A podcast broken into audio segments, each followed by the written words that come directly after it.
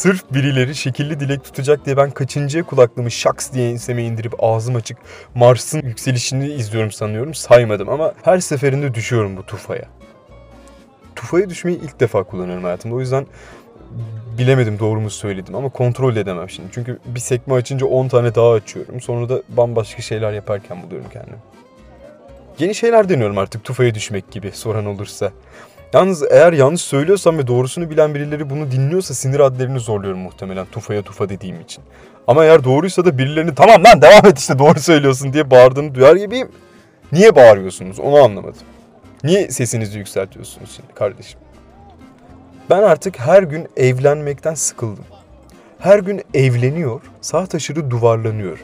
Bu kadar evlenmek zorunda kalmasam yine belki evlenirdim ama hiçbir alternatif şey yapamama mecburiyetlerinde kalınca daralıyorum gitgide. Sürekli bir şeylerim yumuşatıcıyla yeni yıkanmış olsun istiyorum. Evin içi çok sıcaksa da battaniye yumuşatıcıyla yeni yıkanmışsa yine de altına giriyor cıbıl bacaklarımı mis kokulu battaniyeye temaslıyorum. Donlu bu çıplaklığımla bazen bir şeyler yazıyor bazen bilmiyorum tavana falan bakıyorum mesailerim sonrası. İşte böyle. Bu cıbıl evliliğimden ara sıra kopup bir yerlere yürüyorum. Ama bu yerlerden kastım mekan olarak değil yani muhit olarak daha çok. Bir muhit, bir muhitten öbür muhite gidiyor. O muhite geldiği muhite geri dönüyor. Yine evlenip duvarlanmaya devam ediyor. Sokaklarda yürürken duvarlarda gördüğüm seni seviyorumların hepsini de üstüme alınıyor. Birileri beni seviyor ya da beni sevme potansiyeli olanlar var ama herkes evli. Sevgiye de aç değilim ama bazen özlemek istiyor insan. Home office konseptine ayak uydurmak için yatağımı 200 yıllık odamdan çıkarıp atıl bir odaya koydum. Evdeki eşya fazlalıklarının ve atıl kapalı cam balkonun olduğu odada uyuyorum. Kişisel odamı da ofisimmişçesine dizayn ettim. Sırf bu şekil evini ofise çevirenlere Avrupa'da para ödüyormuş devlet. Böyle şeyler duyunca gülümsüyorum yani. Sağ olsun bizim devleti erkanımız duysa herhalde benim odamı ofise çevirdiğimi, vergi mükellefliğimi sorgular, odama mühürlü kepengi vururlardı içinde benimle beraber. Teşekkürler rezalet siyaset. Evlenip duvarlandığımız bu günlerde siyaset iyice can sıkıcı olabiliyor. Zaten bir şey yapamıyorsun bir de hiçbir şey yapabilme ihtimalinde kalmıyor ya. İşte o anda içine derin bir can sıkıntısı çöküyor. Ne tuhaf ya. Sonra gündüzleri mesailerinde zaten hep bilgisayara bakıyorum. Bir de üstüne akşamları ekrana bakmaya devam edince evin içindeki bütün ışıklar da rahatsız etmeye başlıyor. Geçen gece salonda otururken tavan aydınlatmasından iki ampul çıkardım.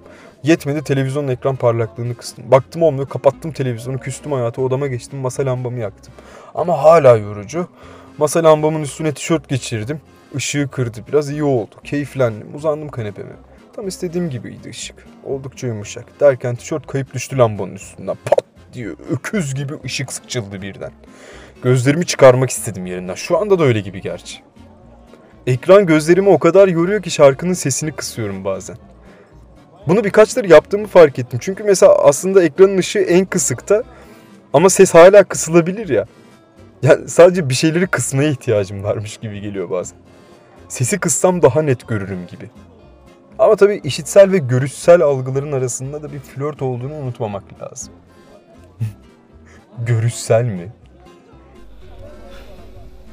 Gelecekten beklentimizin geçmiş olduğu bu günlerde diye bitirmek istiyordum ama şu an e, her zaman gelecekten beklentimizin zaten geçmiş olduğunu fark ettim galiba. Bu biraz canımı sıktı.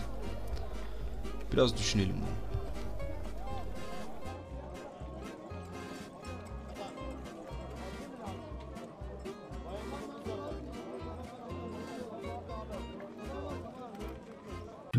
どんどんどんどんどんどんどん。